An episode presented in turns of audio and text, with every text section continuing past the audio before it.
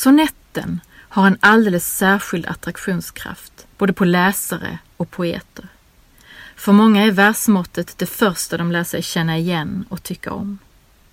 Under de senaste, låt säga 800 åren har poeter och rimsmeder över hela Europa och ibland även på andra håll återkommande förhållit sig till sonettens mönster och tradition, skrivit mot och med, förvaltat och sprängt sönder.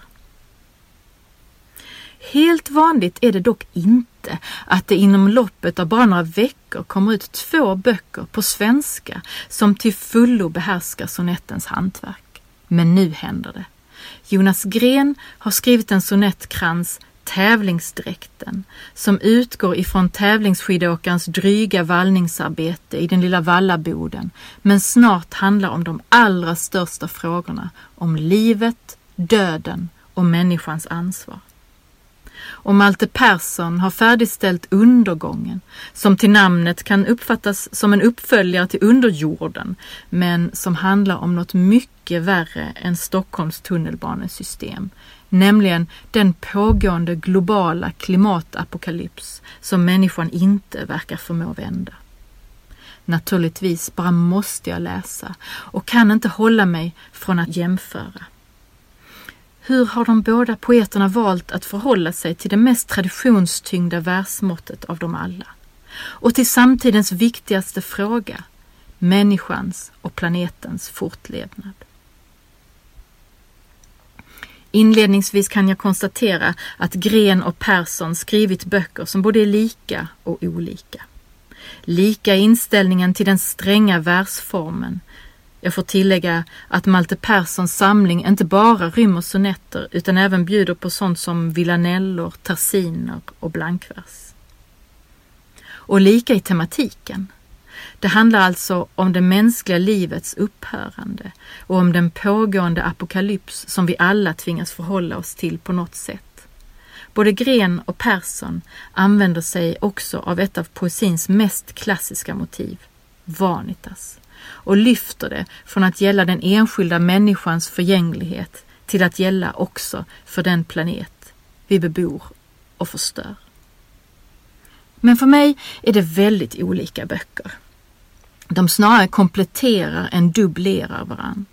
Malte Persson släpper aldrig läsaren särskilt nära utan behåller den distanserade blicken medan Jonas Gren i sin dikt frammanar en enskild människas känslor inför döden och förgängligheten och låter dem spegla den större kollektiva dödsångest som drabbat oss alla. Också till omfånget skiljer sig böckerna åt.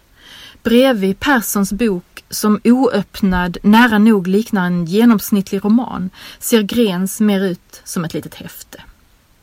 Så verkar Persson också kunna producera dikt i en rasande takt Fastän boken innehåller så mycket mer än bara sonetter framstår han här nästan som sonettmaximalist. Hans bok rymmer 66 sonetter som alla envist vänder och vrider på samma tema, undergångens, ur flera perspektiv. Allt som kommer att försvinna räknas upp. Varken grekiska, nordiska eller kristna gudar kommer i ett öde efteråt att kunna vittna om mänsklighetens försvinnande. Och genom att återkommande alludera till kanoniserade litterära verk visar Persson att också den sortens litterära gudar som litteraturhistorien är full av kommer att försvinna. Den stora glömskan efter livets upphörande är inte ens glömska utan bara ett svindlande intet. Varje bok blir till en bok för ingen som Persson skriver i en av sonetterna. Perssons gedigna bildning är både underhållande och imponerande. Tillsammans med en fingertoppskänsla för ljud och rytm och jag citerar Tanken på att ingen kommer tänka denna tanke eller andra tankar i den tanklöshet som kommer dränka även dessa tankar som jag bankar. Slutcitat riskerar den ibland att ge dikterna ett lite studentikost skimmer.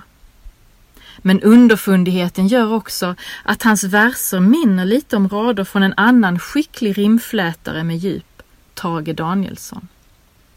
Ibland är det gravt uppsluppet, som när Deutsche Oper rimmas med knep och knåp här. Sådana rimpar kan ge dikten drag av spex, men ljusglimtarna tas tacksamt emot i allt mörker. Och bland lustiga verser som Bacchus glada följe av bakanter som rimmats med några sista tappra pantertanter. De senare befinner sig övrigt på en all inclusive rit vid kusten. Kan det plötsligt bränna till och budskapet meddelas rakt och enkelt. Jag citerar igen. Våra plikter svek vi mot de döda och mot levande och inte födda. Mot de gudar vi med mänsklig möda skapat och av vilka vi var stödda. Slutcitat. Rakt på sak är det också i de här verserna. Ingenstans far vi som resenärer. När den långa resan missat målet är vårt hopp det enda som kan fara. Slutcitat. Allt hopp är ute. Och det är vårt fel.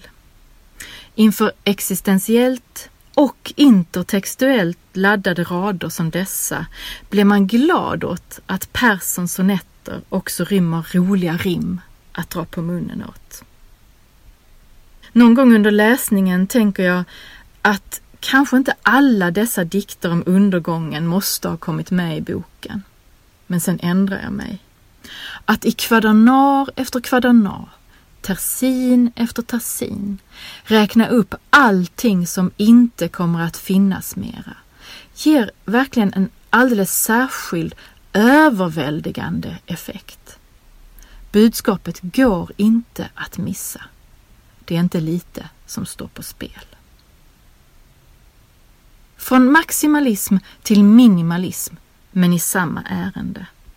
Ställd mot Persson blir det uppenbart att Jonas Gren är en poet av ett helt annat kynne. Gren är dessutom bunden till sonettkransens gränser.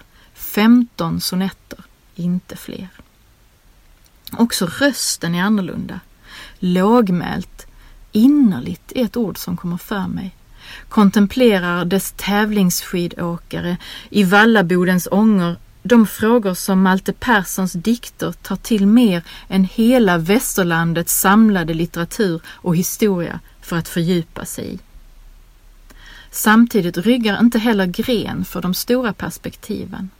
Redan i första sonetten liknas bortborstandet av skidans paraffinlager vid ett annat hantverk, det att hugga ut en sarkofag.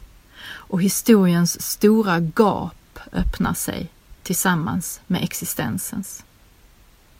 Att sonettkransens berättelse om uppladdningen i Vallaboden både är just det och samtidigt, nästan likt allegorin, rymmer en annan berättelse blir snart också uppenbart. Den ensamme vallaren funderar över den egna döden och över närstående som försvunnit bort. Mormor, morfar, en väns far. Men de närståendes död får beteckna också den stora allmänna döden.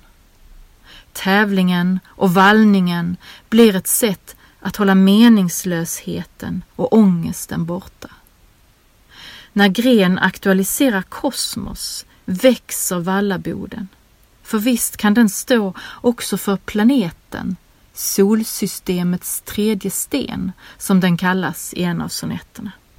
Alla vi människors fåfänga aktiviteter som skapar mening, värde och struktur kanske bara är ett gigantiskt vallande och tävlande. Vi är alla utkastade i solsystemet och det enda som håller oss fast är gravitationen. Jag citerar. Jag kände jordens dragningskraft i benen, så tunga ner mot klippplanetens mitt, där urtidshett urtidshettan ännu smälte stenen. Vi gick på skorpan, tunn, ett enda snitt behövdes innan berget välde fram. Slut citat. Den sjätte sonetten låter oss ana vad det handlar om och jag citerar igen. Det brände inuti mig som en laser att inget är beständigt, allt ska väck. För även berg och solsystem är faser och vallan nöts i snön som vinterdäck. Slutcitat. Till skillnad från hos Persson är rimmen inte särskilt fyndiga. Vinterdäcket ovan skulle kunna vara ett av få undantag. Utan för det mesta är de närmast osynliga och självklara. Ibland ler jag, som när kroppens hink får rimma med Jörgen Brink. Men oftast glömmer jag nästan bort att det är sonetter jag läser, så griper dikten tag i mig. Det är skickligt gjort. Jag menar nog att det allegoriska draget i dikten aktualiserar flera möjliga betydelser. Vallandet rymmer också ett metapoetiskt stråk. Sonettskrivande är ju, när jag tänker efter, lite som att valla skidor. Tålamodsprövande, ensamt och allt uppslukande. Och det kan nog ofta upplevas som ungefär lika fåfängt. Grens namn står på omslaget till tävlingsdräkten, men halva boken upptas faktiskt av en välskriven och tänkvärd essä signerad Sverker Sörlin. Båda har gemensamma erfarenheter av tävlingsskidåkning och vallning får man förmoda. Båda har dessutom skrivit en bok med titeln Antropocen Grens sedan länge utsålda diktsamling kom 2016 medan Solins essä med samma namn kom året därpå.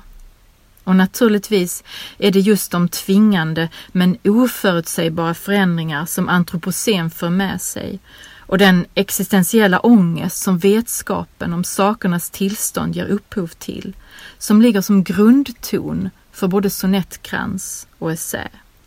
Här är det dock uppenbart att Solins text förhåller sig till Grens, medan Grens står för sig själv. Idéhistorikern Solin ger oss vallningens och skidåkningens historia och idéhistoria. Men han tolkar också Grens dikt åt oss och ger sin syn på vad han kallar för citat utzoomningen från Vallaboden till planeten. Slutcitat. Hans inkännande läsning skymmer inte på något sätt sikten men riktar den tydligt mot tanken på Vallaboden som just jorden och Vallabodens giftiga ångor till jordens atmosfär och gör kanske dikten mer tydligt politisk än den hade varit på egen hand. Om det poetiska hantverket har ett mästarprov kvalar nog sonettkransen ganska lätt in som uppgiften framför alla andra. Jonas Gren visar verkligen att han kan. Han har skrivit en läsvärd och viktig dikt som hugger tag och stannar kvar. I Malte Perssons rika bok är det, när det kommer till kritan, faktiskt inte sonetterna som imponerar allra mest. Hans mästarprov som poetisk hantverkare vill jag snarare föreslå är den avslutande, på blankvers komponerade 64 sidor långa dikten Världen allt mer hastigt bakåtspolad. Metodiskt, infallsrikt och obönhörligt lunkar den baklänges genom historien och nu talar jag om den geologiska historien, inte bara mänsklighetens. Och avslutas i ögonblicket före Big Bang med sina aldrig pausande jamber där den ena katastrofen lugnt avhandlas efter den andra syns både människans triumfer och värsta övergrepp samtidigt som planeten går från sin yttersta tid till sin födelsestund. Bakåtspolningen vänder också upp och ner på historieberättelsens vedertagna tankefigurer och får mig att se hur den är just en berättelse och att det förgångna ofta framstår som en historia som inte kunde slutat på annat vis. Vilket ju förstås inte alls är sant. Här börjar Hitlers levnadsbana i en bunker och slutar med akvareller. Det första världskriget börjar med att miljoner tillfrisknar från spanska sjukan och fortsätter citat och se så många stolta unga män som levande marscherar hem i tropp från skyttegravar i Verdun och Somme med tillförsikt som goda patrioter. Slutcitat. Språken blir så flera, liksom djurarterna, och många sidor senare glöms det bort hur handyxor görs. På ett sätt är det lite gimmickartat, men det fungerar.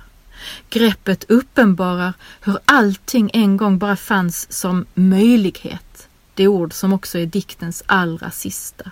Och jag citerar igen. Och all information som oförstörbar bevarats dittills tycks försvinna i den punkt där tiden slutar äga rum. Den stund där rummet slutar ta sig tid och allt som återstår är möjlighet. Slutcitat. Jag kommer att tänka på allt jag inte kan föreställa mig. Det som kunde ha funnits, det som kunde ha hänt istället för det som fanns och blev. Baklängesberättandet tar helt enkelt ett magnifik främmandegöringsgrepp om hela världen och dess invanda orsak och verkan-tankar som nästan ger mig svindel. Petrarca hade nog aldrig kunnat föreställa sig att det versmått han brukar behäftas med att ha gjort populärt skulle komma att användas till så mycket. Att en sonettkrans, skenbarligen förvisso, kan handla om en skiddräkt hade nog inte ens de tidiga 1900-talsmodernisterna kunnat gissa. Här bör man dock påminna sig om att sonetter skrivits om allt möjligt genom litteraturhistorien. Esaias Tegnér skrev ju en om fläskkorven för drygt 200 år sedan. Och visst, till synes är sonetten bara en diktens kostym. Men kostymen rymmer i sig stora delar av litteraturhistorien och är förstås just därför aldrig någonsin bara klädedräkt och fodral. I varje sonett som skrivs anas spår av alla de sonetter som kom före. Historiskt sett har sonettens ärende inte sällan varit att med hjälp av konsten och dikten betvinga förgängligheten och göra den flyktiga kärleken och den dödliga älskade eviga. Detta tema finns sedan länge liksom inbyggt i själva versformen, om än bara som ett flyktigt eko. Men inte ens konsten ska ju bestå som ett minne över allt det försvunna. Fåfängt hela vanitas-motivet står det i undergången. Kanske är det inte så konstigt att en versform som överlevt så länge och fått så stor spridning som den nätta sonetten hittar nya vägar i nya tider. Det som slår mig är snarare hur all samtidens existentiella och planetära ångest hos Gren och Persson tvingats in i sonettens och sonettkransens stränga struktur. Dess exakta gränser och oföränderliga versschema svär ju verkligen mot tematiken. Hos Erik Lindegren kunde sonetten omöjligen förmå spegla världen. Istället fick den sprängas sönder i Mannen utan väg 1942 för att svara mot allt det bokstavliga och bildliga sönderfall Lindegren såg omkring sig. Gunnar Ekelöf verkade göra liknande estetiska överväganden i Orimmad sonett 1952, där sonetten börjar enligt givet schema men där ångesten som gestaltas i dikten snart tar sig in också i dess själva formel och får den att falla sönder. Ifall vi betänker att människan är på väg att utplåna sig själv och dra med sig en hel del annat liv in i döden, framstår sonetten plötsligt som nästan outhärdligt återhållsam, ja nästan världsfrånvänd. Är den noggrant följda metern helt enkelt ett sätt att hålla klimatångesten fången, att kontrollera den? Eller blir formens kontrast till sitt innehåll till ett slags avautomatiserande grepp vars chockverkan får oss att tydligare förnimma allt det fruktansvärda och okontrollerbara omkring oss? Återkommande hos Malte Persson är sorgen över den kultur som ingen kommer att minnas och den tradition som kommer att upphöra att traderas. Och för Gren är frågan, vad tjänade det till när allt ska bort? Den centrala. Men än har tiden inte runnit ut och jag gläder mig i allt apokalyptiskt mörker. Om det så dröjer eller är nära, dikten kommer att finnas med oss intill slutet. Den skänker mening i allt det meningslösa.